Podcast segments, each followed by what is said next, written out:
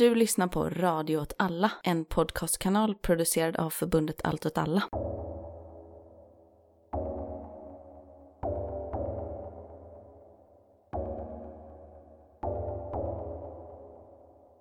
Hej välkommen till Eld och rörelse. Hej, tack. Välkommen själv. Martin Hansson här. Myran Insektsnamn här. Eld och rörelse, en podd om udda konflikter och, förlåt, udda perspektiv och konflikter. Jag minns inte. För, En podd med udda perspektiv och konflikt. Nej, det blir jävla konstigt. är det inte, är inte det de säger? Vad säger de? För dig som är intresserad av udda konflikter och perspektiv. Och rörelse, udda konflikter och perspektiv. Hur är det med det då? Jo, det är bara bra. Jag har käkat korv ute i din trädgård här. Det var väldigt, väldigt trevligt. Vad trevligt. Första, rikt, ah, andra riktiga vårdagen idag. Mm. Jag märkte inte den första för att då var jag inne hela dagen. Så jag fick en chock när jag kom ut och hade på mig vinterjacka och det var 17 grader varmt och sol ute. Just det. För du cyklar liksom inte till jobbet på morgonen. Jag gör ju det och då får jag ha höst-vinterjackan fortfarande. Och när jag cyklar hem är det alldeles för varmt. Det är ett riktigt problem. Proletärt problem. Mm. Så du, eh, du har det trevligt just nu. Eh, vi, eh, vi dricker om. Vi dricker om. Om man säger det. Det är kanske är barn som lyssnar. Jag hoppas inte det är barn som lyssnar på Nej, Nej. då får de stänga av nu. För vi är sponsrade av rommen Barcelo. Barcelo. Ja, men det är vi inte. Det var sjukt om vi hade Du kunnat vill göra landa reklam. ett eh, rom, Det är jättekonstigt. romspons. Hade inte det varit nice? Det var skitnice, men ja, Vi är inte riktigt uppe i det. nej. Nej, Det är också lite konstigt med radio åt alla och spons det. från ett företag. Nej men alkohol har väl någon typ av revolutionär potential. Det tänker du? Mm. Spritupploppen, Möllevången. Berätta om dem, de vet jag ingenting om. Jag vet skitbra om jag hade vetat jättemycket om dem. Mhm. Men det är väl en sånt här typ att folk har inte råd att köpa sprit för att det är strejk. Och så vill folk ha sprit och så plundrar de butiker och tar sprit. Förlåt, det här borde vi kunna... Vi bör känna någon upprorshistoriker-expert som skulle vi får kunna... ringa och fråga om de här Mm. spriten. Vi får kolla upp det här till nästa gång. Så ska vi dra en mer gedigen. Sen har vi ju stormningen av Vinterpalatset. Mm, Det har vi snackat om förut. Där många var taggade på att komma åt spriten, liksom att det var därför de var där, vinkällaren. Också en revolutionär potential. Tre spaningar behöver man för att det ska vara en trend. Eh, nu får vi tänka här, okej, många ställen där det har skett revolutioner förknippar man också starkt med starksprit. Kuba, Ryssland. Till exempel. Också två. Okej, den håller kan inte heller spela. Jag får ju dra de här spaningarna över nu. Eh, Irland förknippar Oj, man ändå ja. med Ja, alkohol det är bra, på det något är sätt. starkt. Ja. Mm. Revolution, jo, men det var ju revolutionsförsök, eller Mm, vad? ja. Misslyckade revolutionsförsök. Iran, till exempel. Inte en så stark alkoholtradition. Mm. Det är en stark poäng du gör. Jag känner verkligen att jag har tänkt igenom Japp, den här tesen. Nej, förlåt Radio alla. Vi är inte sponsrade av något företag. Jag är inte heller sponsrad av någon sån alkohollobby då, som vill att vi ska bara prata om hur bra det är med alkohol. Alla våra nykteristlyssnare kommer gå i taket. här. Det är mer du som känner dem än jag. Jag umgås bara- princip. Inte sant, men ja. Mm. Nej, det är inte sant. Det finns många, finns många undantag. Alltså trevliga nykterister. Det blir att vi klipper bort det här. Ja. Varför då? Ja, Jag- det, det, det är en lång rant om ingenting. Nej, Ja. okej. Och det tar oss raskt vidare till dagens Nej, ämne. nej, det vi får babbla mer här. Du ska klippa bort hela Ja, men du vill ha spaningen. lite... Ja. Nej, men det ska jag inte göra. Jag ska bara ha med att jag säger att vi får klippa bort det istället. Okej. Jaha, du vill inte att jag ska berätta att det ska bli publicerat i en tidning? Nej, tycker det är för tidigt. Så mycket kanske jag får säga. Ja, okej då. Hur känns det att det ska bli publicerat Ja, men i en det tidning? känns kul. Att du får betalt för Artistiskt det också? genombrott. Ja, men det får man väl ändå säga. Du får Ja. cash money för det. Mm, men det är kul. Dra det tillbaka, känna, inte hälsa på mig på stan längre. Ja, jo, ja men det, jag ser fram emot det. Du såg fram emot det, ja. Att, inte få, att jag ska Ja. gå förbi och vara så Hej Myran, hur är det med dig? Och du tittar ner i marken när du hänger med dina coola kompisar. Jag är på så här, nästan jeans. socialbidragsnorm med mycket ersättning. Ja, just det. Och ingen pension. Nej. Ja. Nej, precis. Jag kommer skratta hela vägen till fattigmanspensionen.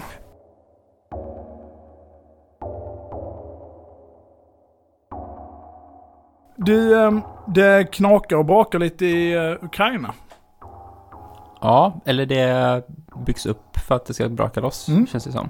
Eller inte ska göra det då, men det är anspänt. Precis, de levererar lite smällar till varandra fram och tillbaka. Och mycket uppbyggnad. Det har inte, har inte varit så mycket all-out-strider eller? Nej, det är mest prickskyttar och sen så är det att de beskjuter varandra med lite granatkastare och artilleri och så.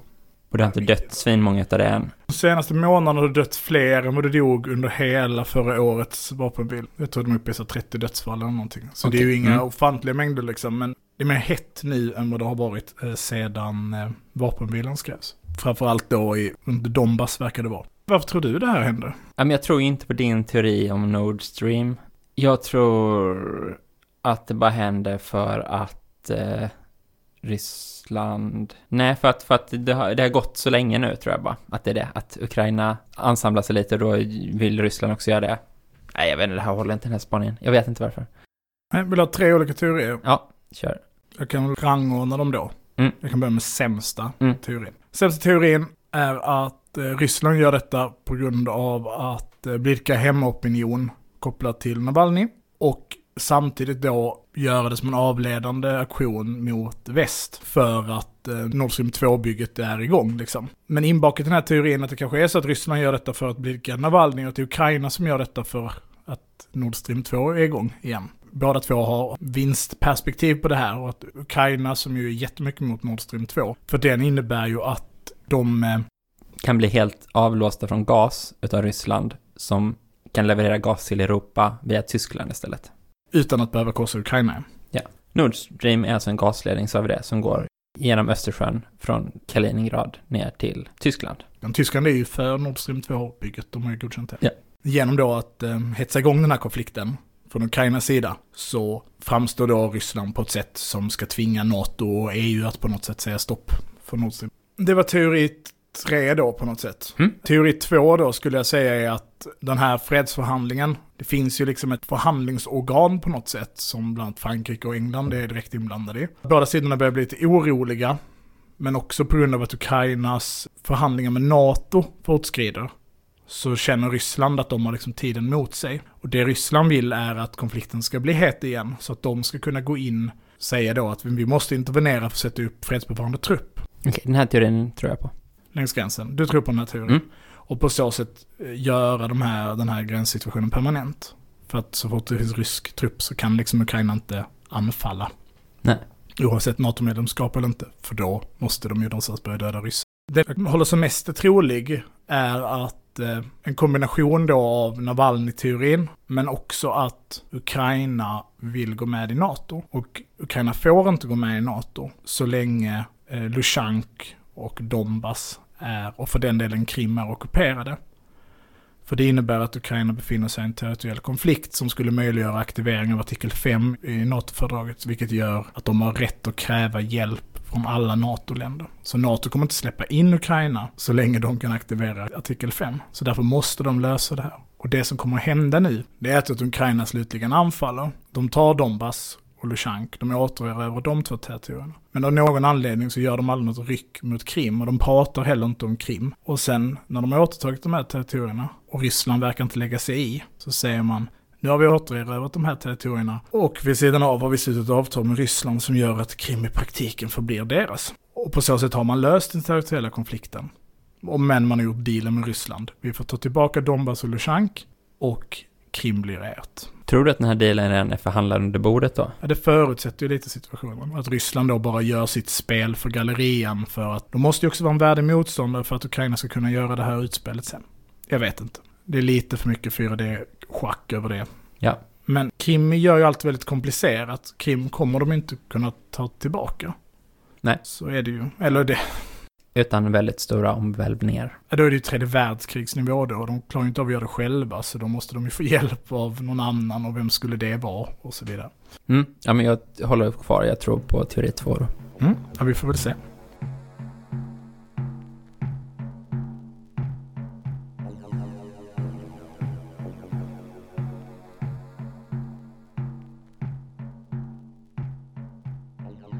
I kölvattnet av att Ukrainas före detta president tvingades bort och en ny, mer västvänlig och ryskfientlig president fick makten i Ukraina hände något ryskt på den historiska halvön vid Svarta havets norra kant.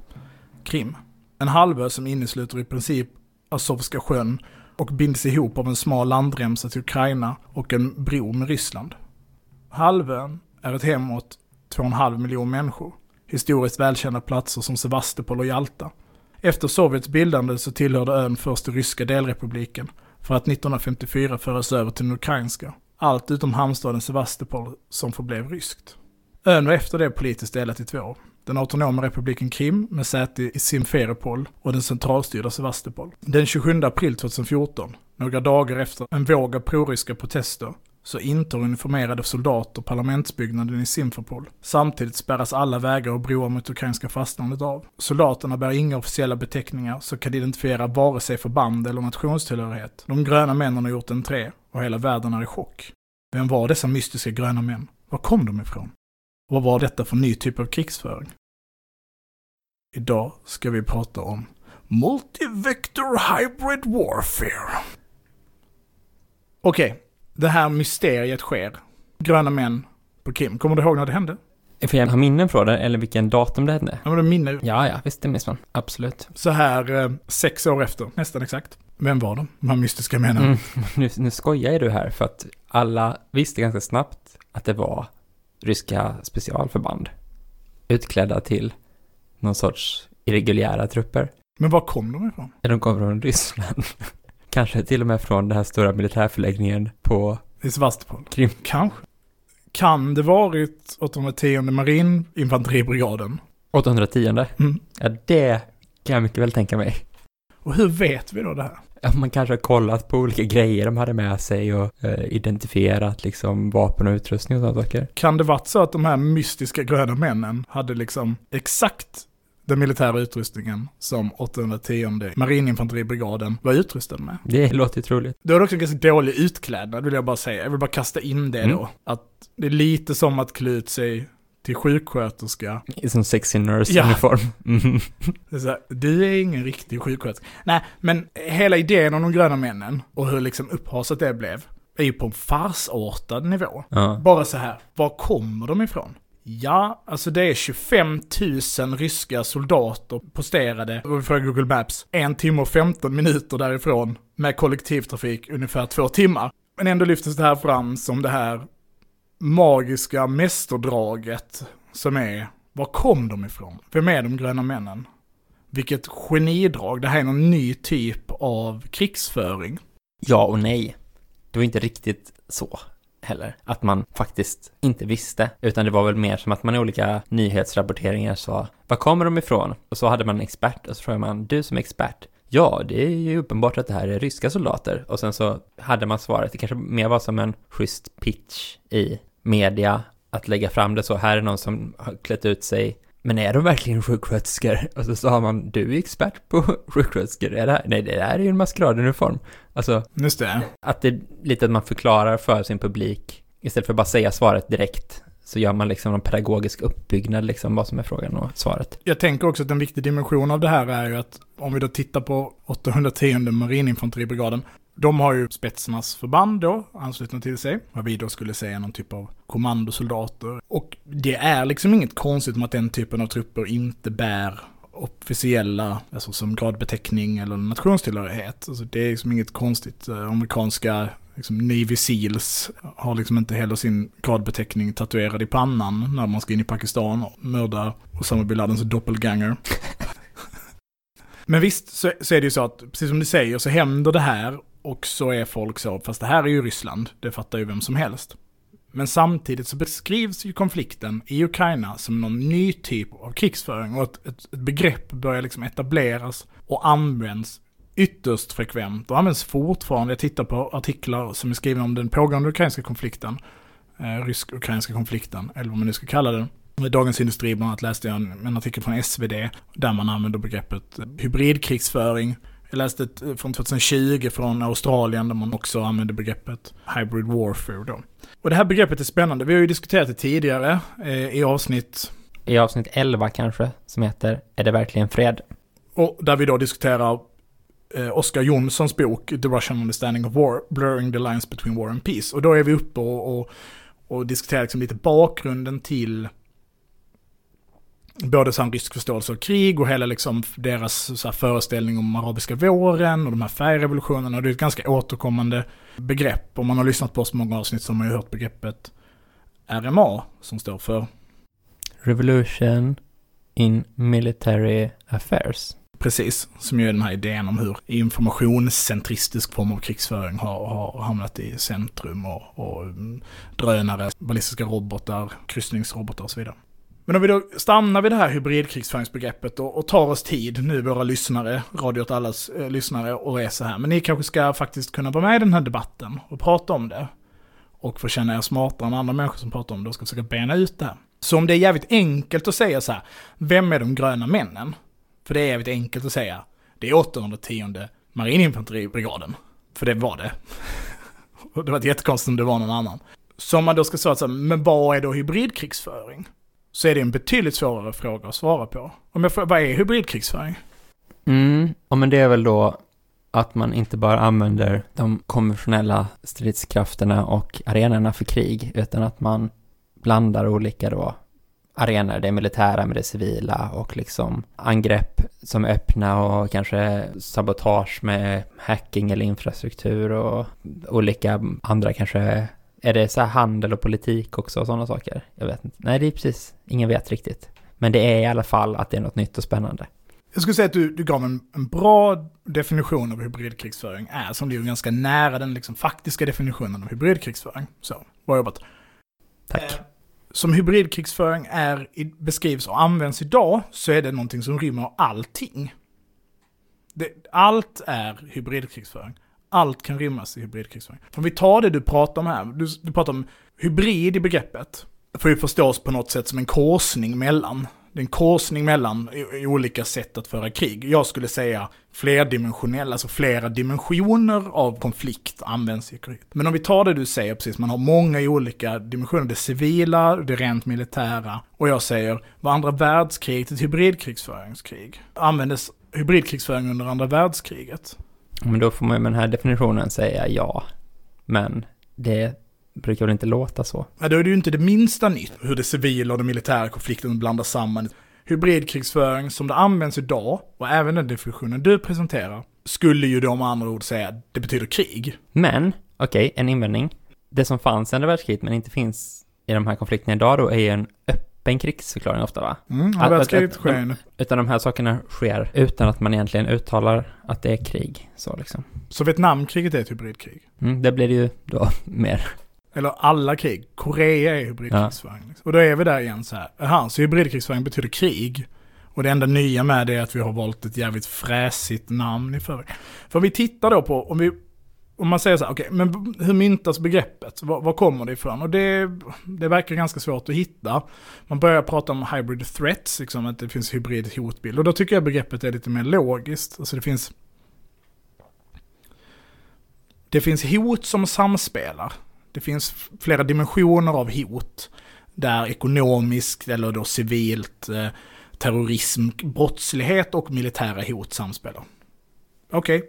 det, det låter ju som... Ja, man ska ta ett bra exempel på det. och, ett av de få saker som faktiskt används som ett exempel på hybridkrigsföring är då Hizbollah till exempel. 2006 Israel Hizbollah där man har en reguljär stridskraft, den här terrorgruppen då, som har uppenbar sammanblandning med iranska reguljära förband, eller framförallt då som operatörer eller elitsoldater, som använder högteknologiska medel, terrorism, brottslighet, okej. Okay. Mm. Runt 2006-2007 så började då det här begreppet hybridkrig då dyka upp och sen, det lever en ganska perifer tillvaro i debatten då fram till 2014 egentligen, när liksom Ukraina och Ryssland verkligen drar igång. Och då började det matas ut. Frank G. Hoffman är en sån här eh, forskare, amerikansk officer. Och han skriver så här i en av sina alster, kan man säga så, en av hans eh, rapporter. Hybrid wars can be conducted by both states and a variety of non-state actors. Hybrid wars incorporate a range of different modes of warfare, including conventional capabilities, irregular tactics, and formations. Terrorist acts, including indiscriminate violence and coercion, and criminal disorder. These multimodal activities can be conducted by separate units or even by the same unit, but are generally operationally and tactical directed and coordinated within the main battle space to achieve synergistic effects.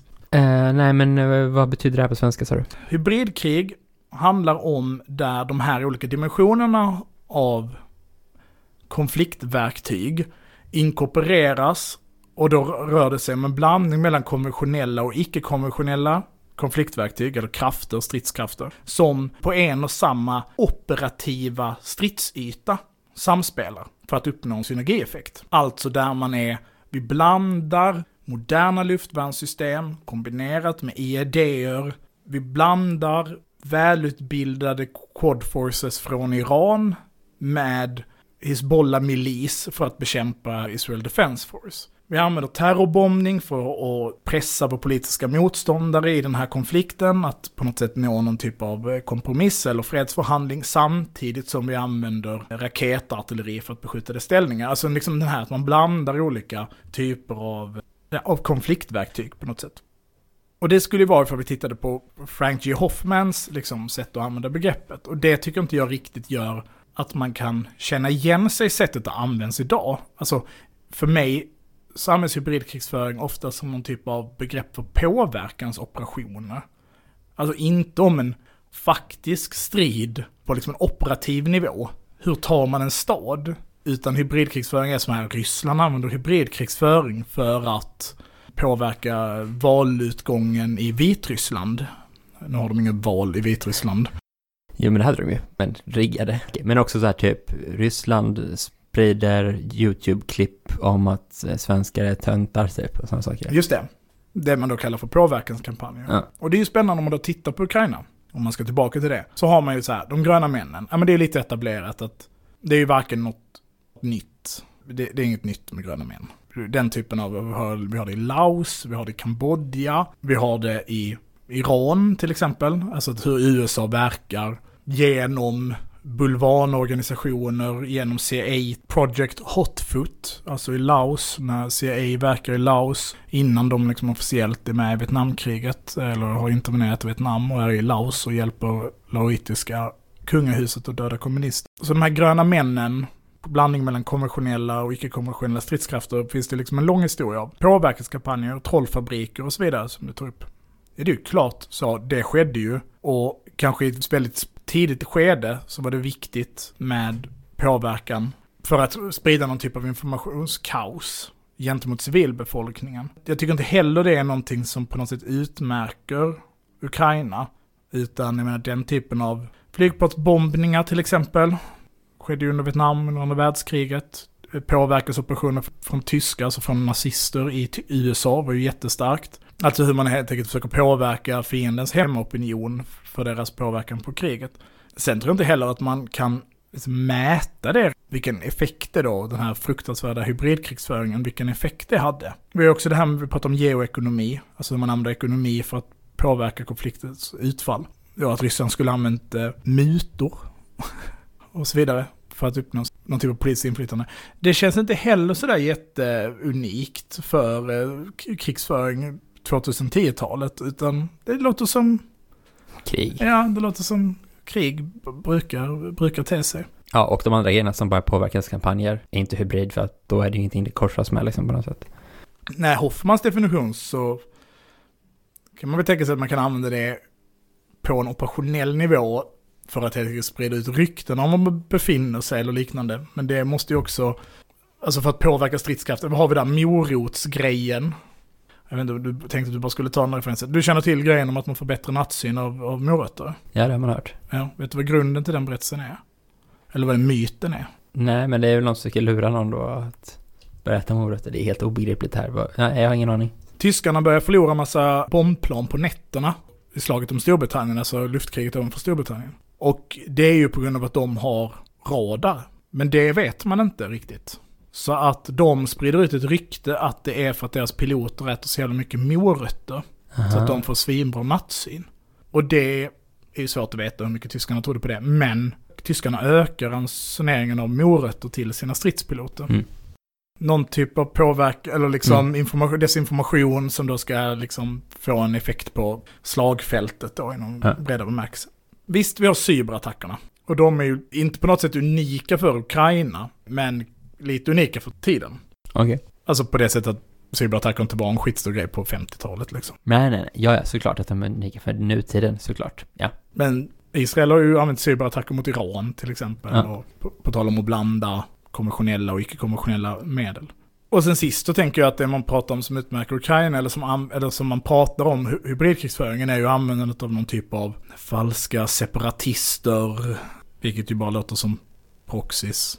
Att man projicerar sin makt genom en annan rörelse. Ja, eller vad menar du med falska separatister? Nej men då hela diskussionen med Ukraina, beroende på vilket läge man är i, så är man ju antingen så. Donbass försvarsenheter, de vill bara ha självständighet och Mm. inte bo i fascist eh, Ukraina. Nej, Ja. mm. Och så säger å andra sidan, det finns inga separatister, det är bara ryska legosoldater. Okej, mm. Mm. Men det är väl, eh, ifall man ska vara seriös, sanningen ligger någonstans där mittemellan. Jo, jo, men jag menar det är ju knappast något unikt för Ukraina-konflikten. Nej, visst. Att man använder någon annan i den här idén om det här. Utan då är det ju bara som vilket proxykrig som helst eller en konflikt genom Ja. proxy. Så att det jag skulle säga, och det är väl här det börjar bli spännande, det är väl att det som händer i Ukraina är och var en konventionell konflikt. Som konventionella konflikter alltid har tätt sig. Men det är inte konflikter på det sättet som Clausewitz beskriver att det liksom idealistiska versionen av krig är. Det är inte som inte en ren konflikt där olika formationer på ett slagfält strider mot varandra för att politikens fortsättning har lett fram till det här avgörande slaget. Utan att det är en blandning av politik och krig, då i någon mening. Där liksom andra delar av politiken också används, förutom stridskrafterna. För mycket av de sakerna som man anklagar Ryssland för att göra är det som i västerländsk försvarsdebatt kallas för politisk krigsföring.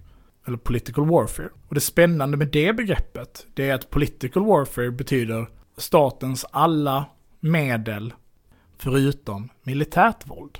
Och är det då krig? Det här var det vi pratade om i Är det verkligen fred avsnittet? Mm. Ja, när är det krig och inte? Ja. Får man lyssna på det får man väl ha.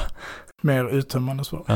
För det är inte så lätt att ge ett ja eller nej svar på det. Nej, men att både idén om att det skulle finnas ett krig utan politisk krigsföring och idén om att det finns krig med endast politisk krigsföring och att det då skulle vara krig.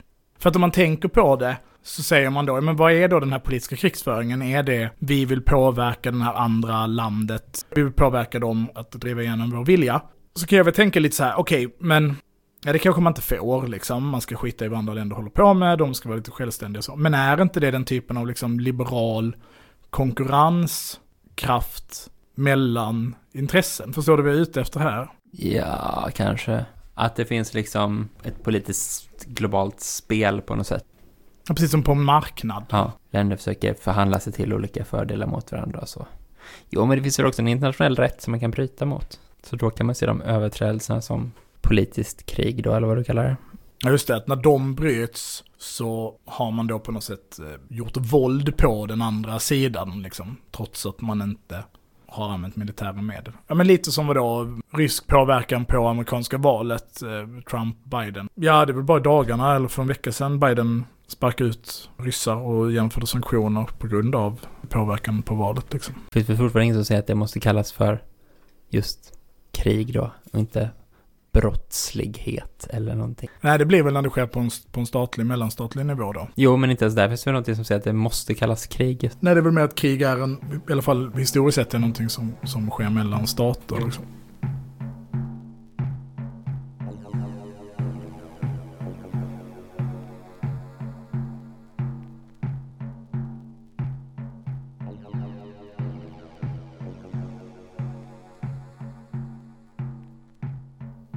Så om man då skulle titta på så, vad, vad är det som har hänt? Varför befinner vi oss i den här? Varför befinner vi oss i debatten? Och varför är vi liksom lite där igen idag? Så tänker jag att det både är att, och det här har vi pratat om i många avsnitt, men att vi befinner oss i ett läge, eller framförallt USA befinner sig i ett läge där man har historiskt sett och idag är liksom extremt teknologifetischerande runt krig. Och vi kan använda begreppet nätverksorienterad, alltså att hela tiden har deras försvarsmakt byggt på föreställningen om att krig och politik är två separerade fenomen. Där militära medel, så här, framförallt högteknologiska sådana, vinner konflikter. När det i själva verket genom USAs historia har visat sig vara precis tvärtom. Förutom att hända då Kuwait. Alltså att USA, förutom Kuwait, förlorat eller gått ut med liksom en delad seger i alla krig de har varit inblandade i. Och de har varit militärteknologiskt överlägsna i alla de krigen. I alla krigen. Liksom. Men alltså att de hela tiden förlorar för att deras motståndare har sett det rent militära slagfältet som en del av kriget med den politiken som en central del eller då civilbefolkning eller konkreta politiska medel. Och USA sätter militära som hela kriget då. Och vilket ju lite då bygger väl också på någon sån liberal föreställning om typ vi är de goda och vi har rätt. Så att om vi bara tar bort hotet om våld till exempel på en statlig nivå från befolkningen så kommer befolkningen vilja göra det vi gör eller Ja. tänka på det sättet vi tänker. Jo men om man då tänker vidare på det här så blir det så, ja USA tänker på krig på det här sättet. Men det kanske är så att alla andra tänker på krig på ett helt annat sätt. Och att det bara är USA som har varit fast i den här fällan.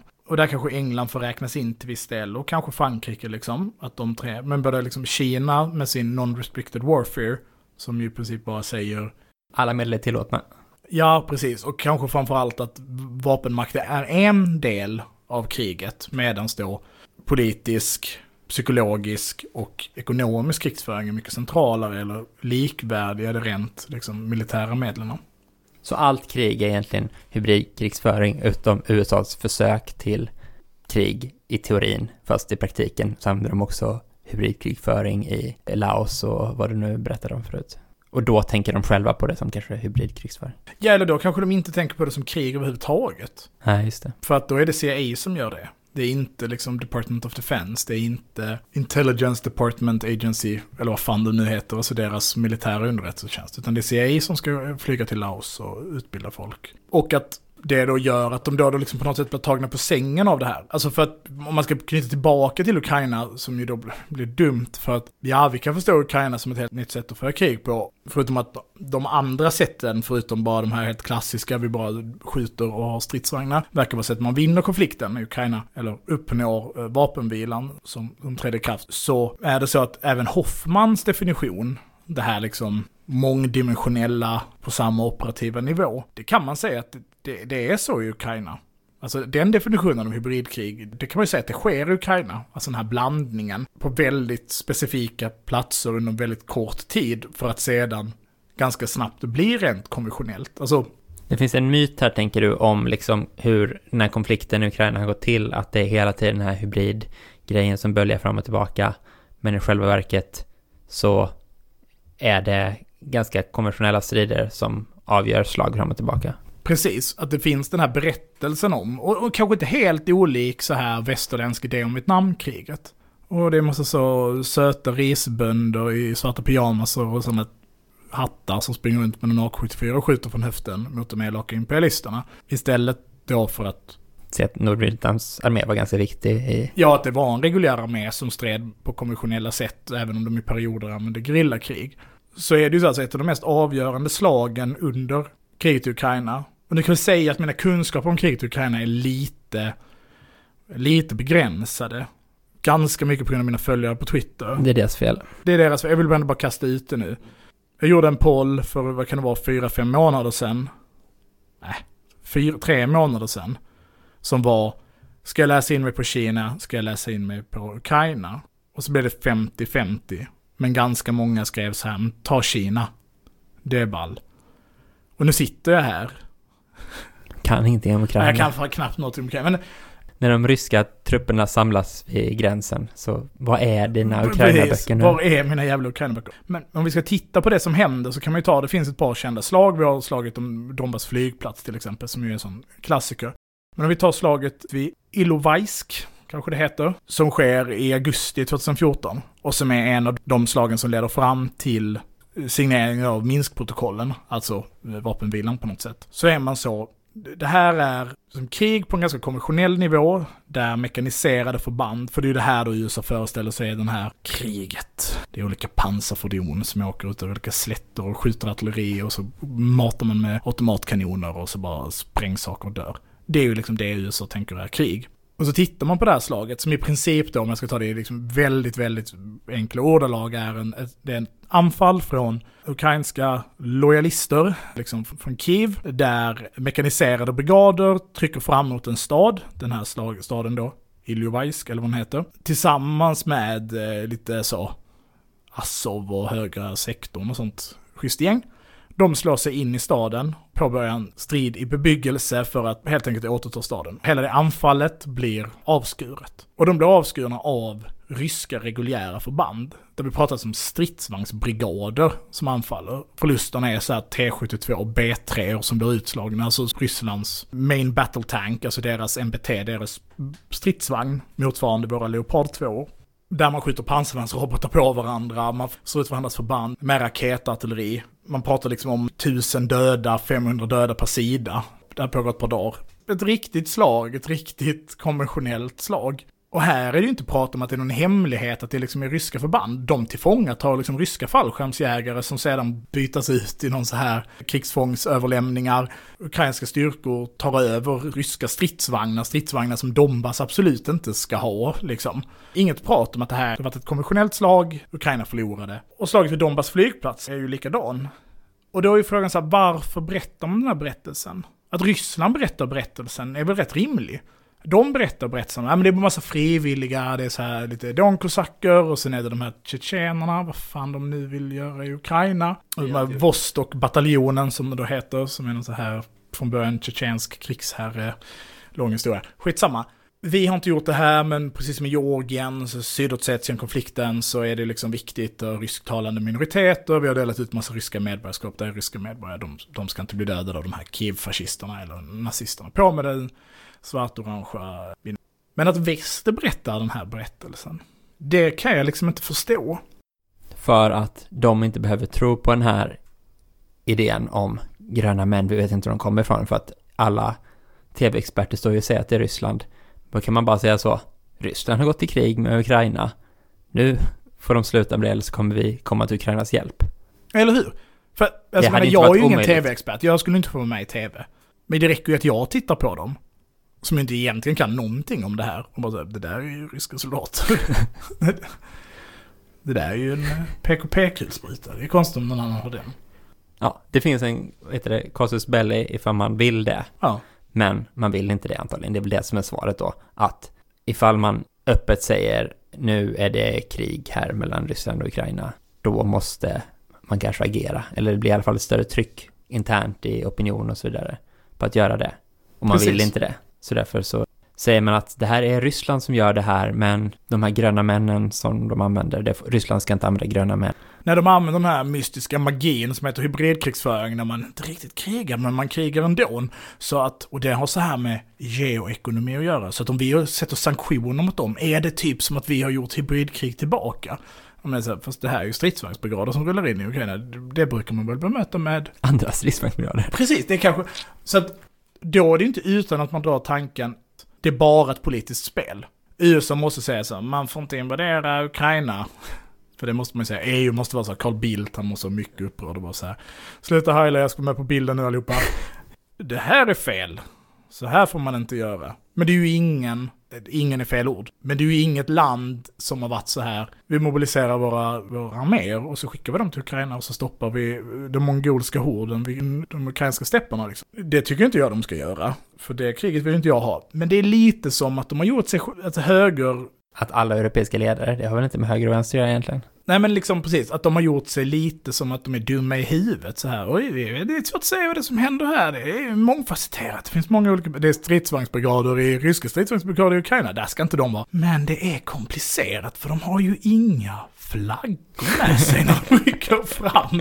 Och då, då är det ju inte utan att tänka då att de medvetet gör sig dumma för att de inte behöver vill göra det här proportionerliga svaret. Och det pratar vi ju ganska mycket om det här avsnittet. I avsnitt 11 är det verkligen fred påverksoperationer, om man vill förstå det som krig så får man ju möta det med militära medel. Och det kan man ju tänka på påverkansoperationer. Men om man tycker att Ryssland inte ska få invadera Ukraina och att man ska möta det liksom, stämma det i bäcken med egna stridsvagnar och bajonett. Du gestikulerar väldigt mycket när du pratar nu, men det framgår inte i radio. Men alltså, Nej. du knyter näven och håller upp den och sådana saker. Som, att... som en huggare liksom i Poltava. Då kanske man ska göra det.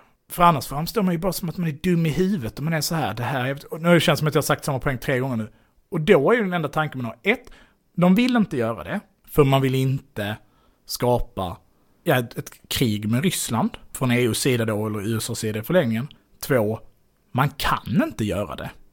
Och man kan faktiskt inte, vi, vi, vi kan inte få svenska soldater att åka till Ukraina och dö för Krim.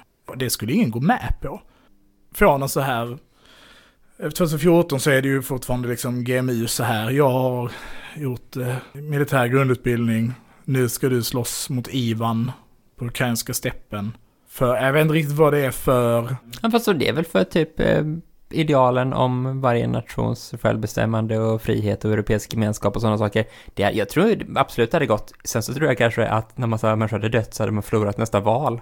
Och Mm. det är väl det som ledare för europeiska länder är Jo, jo. rädda för liksom. Alltså, ja, men det är inte som att det fysiskt inte hade gått, tror jag säkert. Eller fysiskt hade det gått. Man hade kunnat få dem till Ukraina. Ja. Det, det tar inte så långt man kan köra bil dit. Så det, det hade vi... jag De hade inte lagt sig ner på marken och sagt nej. Nej, nej. Men precis, samhällen har inte klarat av det trycket, vad det innebar och insatserna behövt vara så himla hög för att kunna möta det. Framförallt att återta Krim. Donbass Lushan kanske är en annan, en annan femma. Och den tredje grejen är väl att det är så här, det är så jävla smidigt för dem att prata om hybridkrigsföring. Inte för att jag är liksom en jävla försvarsvurmare, så. Jag kan gott tänka mig att vi bara, på samma sätt som vi har liksom kärnvapenavtal, att vi uppnår någon typ av militäravtal som säger att alla länder ska nedrusta sina militärer. Jag är nog inte först att rösta för. Skitbra. Men det är ju också så att liksom nyliberalismen är ju också ett direkt säkerhetshot och ett beredskapshot mot nationerna inom en kapitalistisk ram. För militären vilar ju någonstans både på välfärdssamhället, liksom. Det finns inga gigantiska liksom, militärsjukhus som bara uppstår från tomma intet om det skulle bli krig som ska operera folk som har blivit skjutna i halsen. Utan det är ju vår jävla konventionella vård som ska det. Som inte klarade av en helt vanlig jävla Stockholmshelg 2017. Så här, är det här i stabsläge? Det går inte. Tänkte att det skulle rulla in tusen sårade om dagen så flögs liksom Herkulesplan från Ukraina eller Baltikum eller vad fan nu den här konflikten skulle ta sig. Det håller ju inte. Vårt elnät klarar inte av en dålig vinter. Alltså någonstans är det ju så att det är jävligt smidigt också i nyliberalismens era att säga så, ja det nya hotet, ja, det är inte stridsvagnar, alltså det är så här olika folk som sitter på Twitter och skriver riktigt elaka saker om kulturministern. Det, det är det som är krig liksom.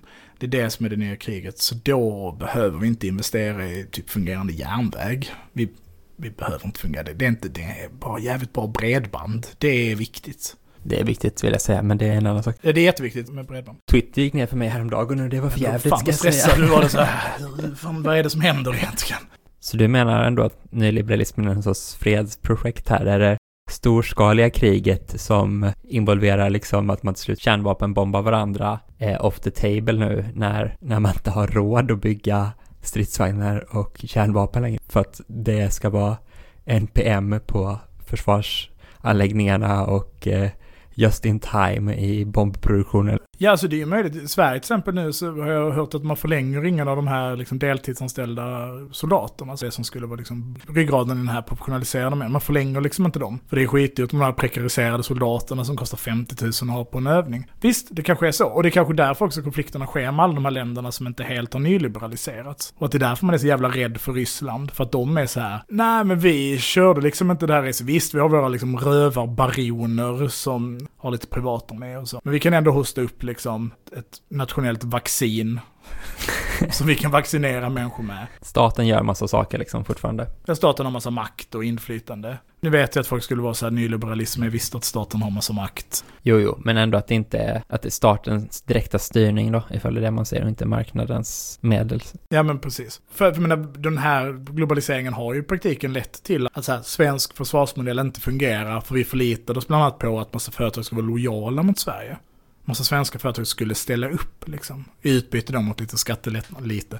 Mot helt ofantliga skattelättnader. Men det är väl så här. Vad är det en jävla leksaksfabrik i typ eh, norra Skåne som skulle vara liksom det största förrådet av krigsmateriel vid en invasion av Sverige liksom. Är det Amazon som ska liksom ställa upp för Sverige nu när Ryssland kommer? Eller eh, Spotify? Ska, ska, å andra sidan skitbra i hybridkrigsföringstiden. Kan lägga in massa Goa låtar utav Sabaton. Ja, precis.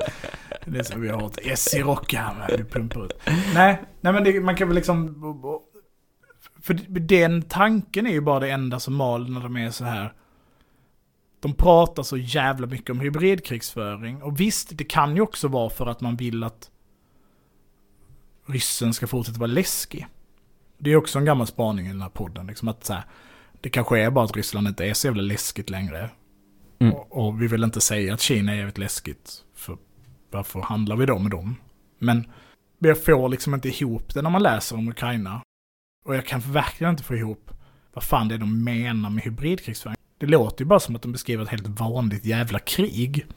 Det är kul att vi nu då har kommit fram till att den här teorin av Hart och Negra om imperiet i nyliberalismens tidevarv verkar vara rätt. Vilken, Jo, precis. vilken överraskning att den här postautonoma podden. Ja, precis. Förlåt att vi inte bara refererar till dem istället för att låtsas att vi har kommit på det själv. Nej men det blir ju lite att det ger ju dem rätt i den meningen att Napoleon och i förlängningen liksom Clausewitz idé om folkkriget förutsätter ju också någonstans att man har ett folk. Mm. Och nyliberalismen tar bort att man har ett folk. Hur fan ska man då kunna föra folkkrig? Nej. om Ryssland då fortfarande har ett folk i någon sjuk blandning av så här ryska imperialist, vad heter de? Imperialisordern, eller vad fan de heter, som samarbetar med NMR. Att det är någon blandning mellan dem, nationalbolsjevikerna, några övervintrade jävla stalinister, som då, man pratar om så här frivilliga till Donbass av politiska skäl, så är det verkligen så spanska kommunister, toknazister från Tyskland möts i, alltså må så vara. Men jag menar, du är ju åtminstone någon typ av grupp som vill göra någonting för en. Folket. Det är precis, det är folket. Den blandning av, av spanjorer och, och ortodoxa präster liksom. Ja, nice.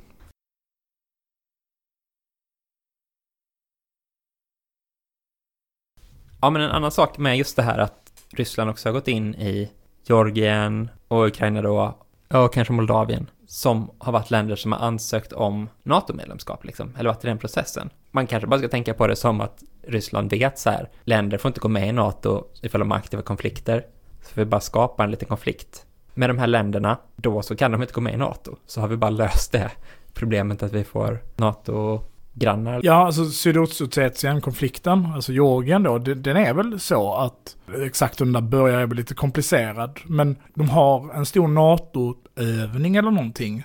Mm. Och sen på ett eller annat sätt så bryter det upp en mer öppen konflikt. Och då finns det väl någon teori om att Georgien tänker att liksom USA ska skrämma iväg Ryssland. Men det som händer är att USA bara packar ihop allt jävla skit de har och drar. Och de Just packar det. dessutom inte ihop all skit de har utan de lämnar massa Humvees som Ryssland får. Ja. Något år därefter så börjar Ryssland bygga Tigris, alltså deras egna Humvee. Ja. Efter att de bara reverse engineerat Humveen. Och då var de väl i något så tidigt stadie att få gå med Ja. i, i NATO. De var i den här processen, ansökningsprocessen.